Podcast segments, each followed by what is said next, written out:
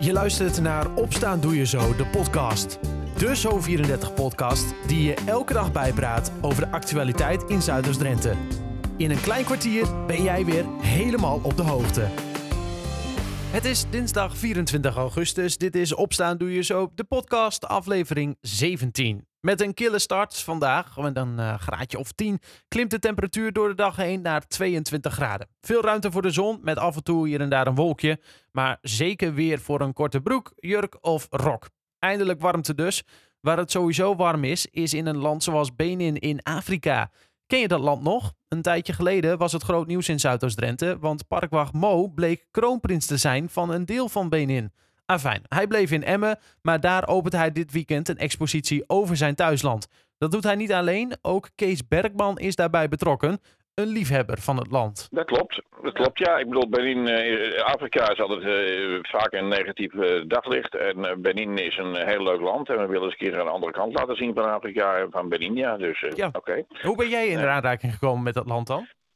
Ik ben in 1982 daar, daarheen gegaan. Ik was, uh, na mijn studie kon, kon, kon je via een organisatie daar, uh, zoals het mooi heet, ontwikkelingswerk gaan doen. En zo ben ik daar uh, terecht gekomen. Mm -hmm. En ik ben er min of meer blijven hangen. Ja, ik kom er nog geregeld. En ik heb daarna voor andere organisaties gewerkt. En nou goed, dus ik heb van alles gedaan. Ik heb schooltjes gebouwd. Ik heb bruggetjes gemaakt. Ik heb met vrouwengroepen gewerkt.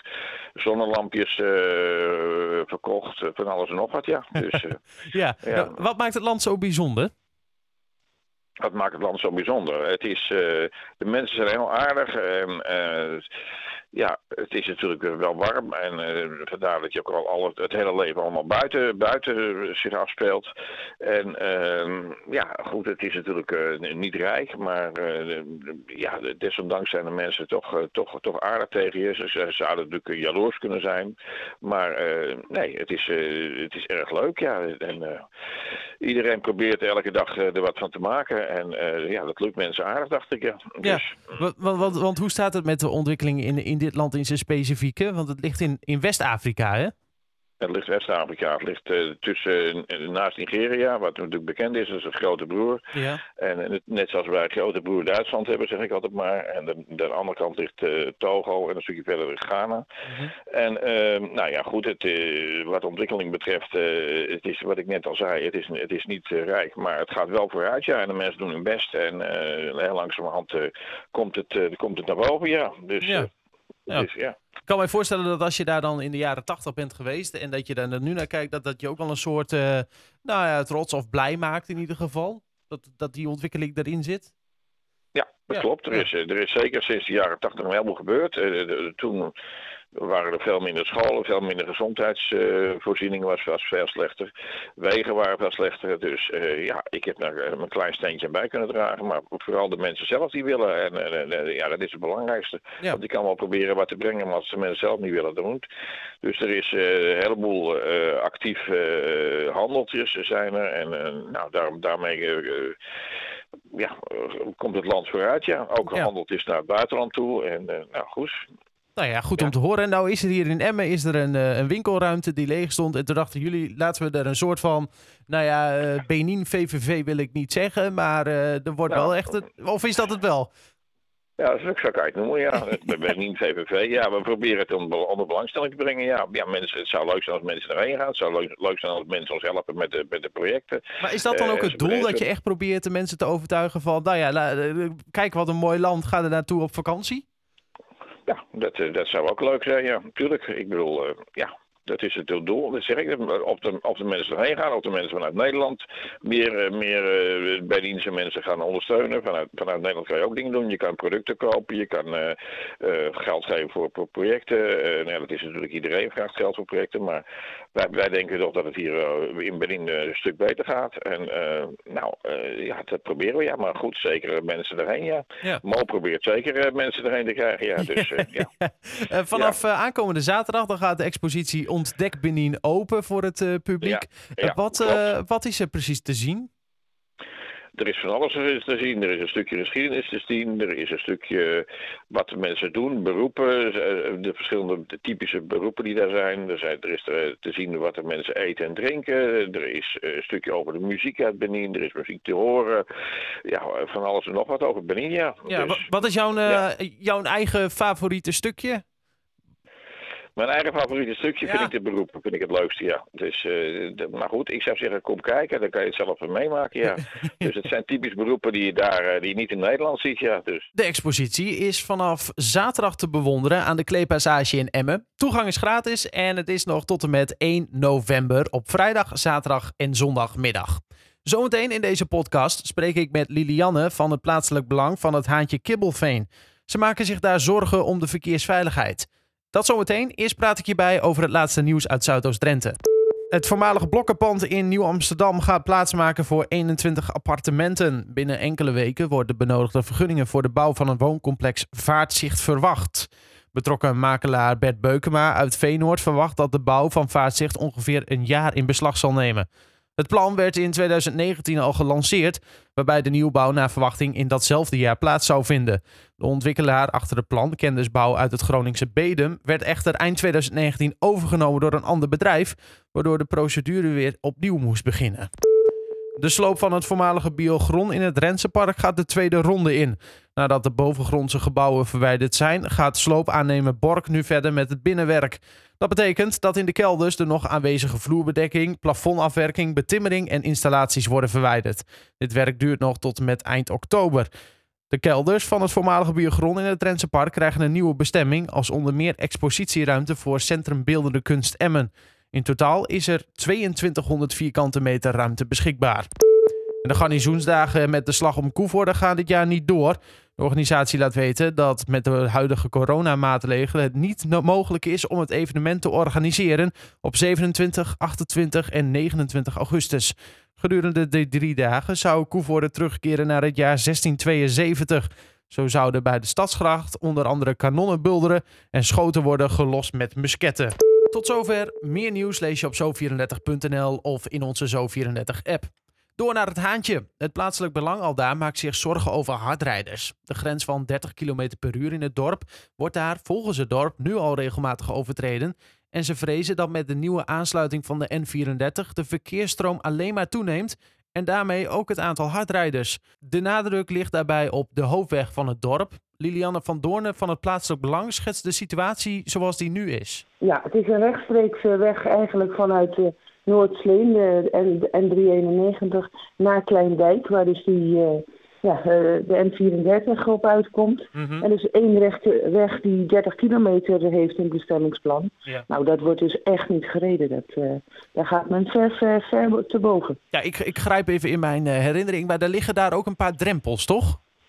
Ja, uh, aan, het, aan de start en aan het eind. En eentje bij het uh, dorpshuis. Ja. Maar ja, die, uh, die zijn zodanig dat men daar ook overheen vliegt. Ja, dus de, dat is, die zijn niet hoog genoeg? Nee, die stoppen het niet af. bij het begin van het haantje wel. Hè, dat je het bord het haantje ziet en die eerste drempel. Dan heb je wel eens dat mensen denken van oké, ik moet even kijken. Maar op het moment dat ze doorhebben dat die drempel nou ja, makkelijk te nemen is, dan is het gewoon uh, Max Verstappen racebaan. Max Verstappen racebaan. Um, dat is natuurlijk niet de bedoeling. Uh, waar 30 staat, moet je ook uh, eh, 30 rijden. Dat is het, ja, zo hoort het nou eenmaal. Um, ja. wat, wat kun je daar als nou, plaatselijk belang in dit geval aan doen? Ben je dan heel veel in gesprek met de gemeente?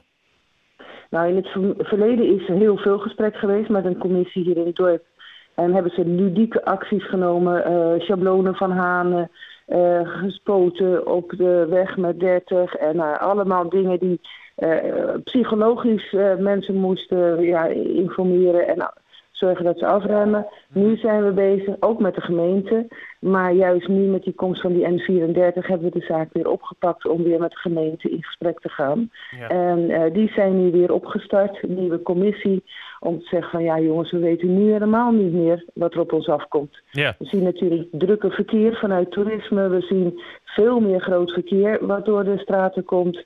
Ja, en er wordt echt gigahard gereden. Ja. Nou, daar moeten we echt wat aan doen. Nou hebben jullie een, een idee eigenlijk, hè? of er wordt gekeken naar een idee. Dat heet een, een, een safety safe. Dat is een soort digitale spaarport, toch? Ja, het is een, een, smiley-paal, zeg maar, die de kilometers meet. Ja, zoals we die zoveel kennen eigenlijk. Ja, ja. en uh, die, uh, als je nou precies keurig je kilometers rijdt die vereist zijn, dan uh, komt er een bedragje op te tellen voor jouw dorp. En dan in samenspel met de gemeente, maar daar zijn we dus nu mee bezig, om ja. ze te informeren over dit systeem. Om te zeggen van jongens, als iemand nou echt keurig 30 rijdt, dan zou je bijvoorbeeld 10 cent uh, kunnen bijboeken. En dat zie je dan op de meter. Mhm. Dus sowieso hou je het, hou je het lokale verkeer al, uh, dat ze zeggen we sparen voor het dorp. Dan moet het wel voor een bepaalde doelstelling zijn. Ja. Dus bijvoorbeeld voor een dorpshuis of voor activiteiten. In ieder geval dat het terugkomt bij de inwoners. Want die worden in feite uh, ja, uh, met een leuk bedragje, omdat ze zich aan de regels houden. Ja. Maar je ziet ook, en dat is wel de ervaring, dat de passanten ook eigenlijk wel zeggen van, oh, er staat zo'n smiley en ze zien die tellen. En op een of andere manier vinden ze het dan toch leuk als ze door zo'n dorp heen komen om iets te helpen sparen. Het is dus voornamelijk een beetje een soort psychologisch effect, zeg maar, wat het moet hebben. Ja, het is, dit is echt een psychologisch effect. Mhm. Uh, maar wel met de wetenschap dat je ook uh, buiten dat je je dan uh, beseft dat je te hard rijdt, ook nog als dorp uh, ja, een bijdrage krijgt en wordt ja, eigenlijk het presentje krijgt dat er uh, gespaard is. Ja, en die, die teller die geeft psychologisch het effect dat iedereen toch zegt, oh, mijn dubbeltje zit er ook bij. Ja, volgens uh, de, de, de ontwerper zeg maar, van die palen helpt het. 25% minder hardrijders. maar die palen die, zijn nog helemaal eigenlijk niet in Noord-Nederland. Dus je zou dan ook de eerste in Drenthe zijn, hè? Ja, ik sprak uh, de, die organisatie. Ze staan al op vele plaatsen, maar helemaal nog niet in Drenthe.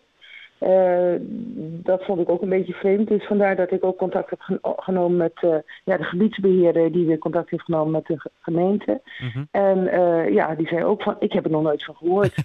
dus, dat verklaart een hoop dan. Goed. Uh, ja, dan kan je ze misschien ook niet kwalijk nemen. Maar uh, ja, in feite is het wel fijn dat we dit ontdekten. En daarmee gaan we weer in gesprek. Maar misschien komen er straks wel andere ideeën uit. Alleen denk ik dat dit een hele mooie is om mensen bewust te maken. En dat is en blijft het toch. Je kan blokken neerzetten. Je kan allerlei risico's gaan inschalen. Dat kan je pas doen op het moment dat, dat het ene niet werkt. Maar dat psychologische effect vinden we ook een hele belangrijke. Ja, ja precies. precies. Ja, um, dat iedereen zich realiseert waar je ook bent. Ja. Uh, een 30 kilometer weg is niet zomaar voor 30 kilometer ingericht. Nee, precies. Um, even een hele uh, praktische vraag. Hè? Um, want je spaart dan eigenlijk in een soort spaarpotje. Maar wie zou dat dan bijvoorbeeld moeten betalen? Wat zijn de eerste ideeën daarover? Hoe zit dat bijvoorbeeld in Nou, andere gemeentes? In andere gemeentes is het de gemeente die dat doet. Ja. De gemeente zegt van als wij die paal neerzetten en er wordt gespaard, dan scheelt het ons uh, ja, ook uh, uh, ongelukken en problemen en geklagen en dat soort zaken. En dat sparen, dat doe je en dat kunnen, ja, je kan dat laten sponsoren, maar je kan dat ook vanuit de gemeente. Dat varieert een beetje per, per plaats waar het is. Ja. Maar overal zie je dat de gemeente zegt, wij vinden gewoon dat uh, ja, als de mensen uh, elkaar niet lastigvallen door veel te hard te rijden en ook schade aan wegen uh, creëren, zijn wij bereid om daar een klein bedragje aan te doen. Ja. En dat is tot een maximum, dacht ik, van 1000 euro. Het is dus niet dat je straks 10.000 euro's bij, bij elkaar kan sparen. Nee, precies. Nee, want dan gaat iedereen op en neer rijden natuurlijk. Ja, ja, ja, ja nou, dat zal mijn volgende vraag inderdaad zijn. Maar goed, we zijn allemaal heel netjes en nuchter, hè, dus dat doen we allemaal niet hier in Drenthe. Nee, nee, Nee, nee. nee, nee, we rijden allemaal wel te hard, dan moeten we ook eerlijk zijn. We maken allemaal een keer die fout, maar ik denk als je zo'n ding ziet staan, en dat zie je nu ook met die smileys, het houdt toch weer eventjes in. Ja.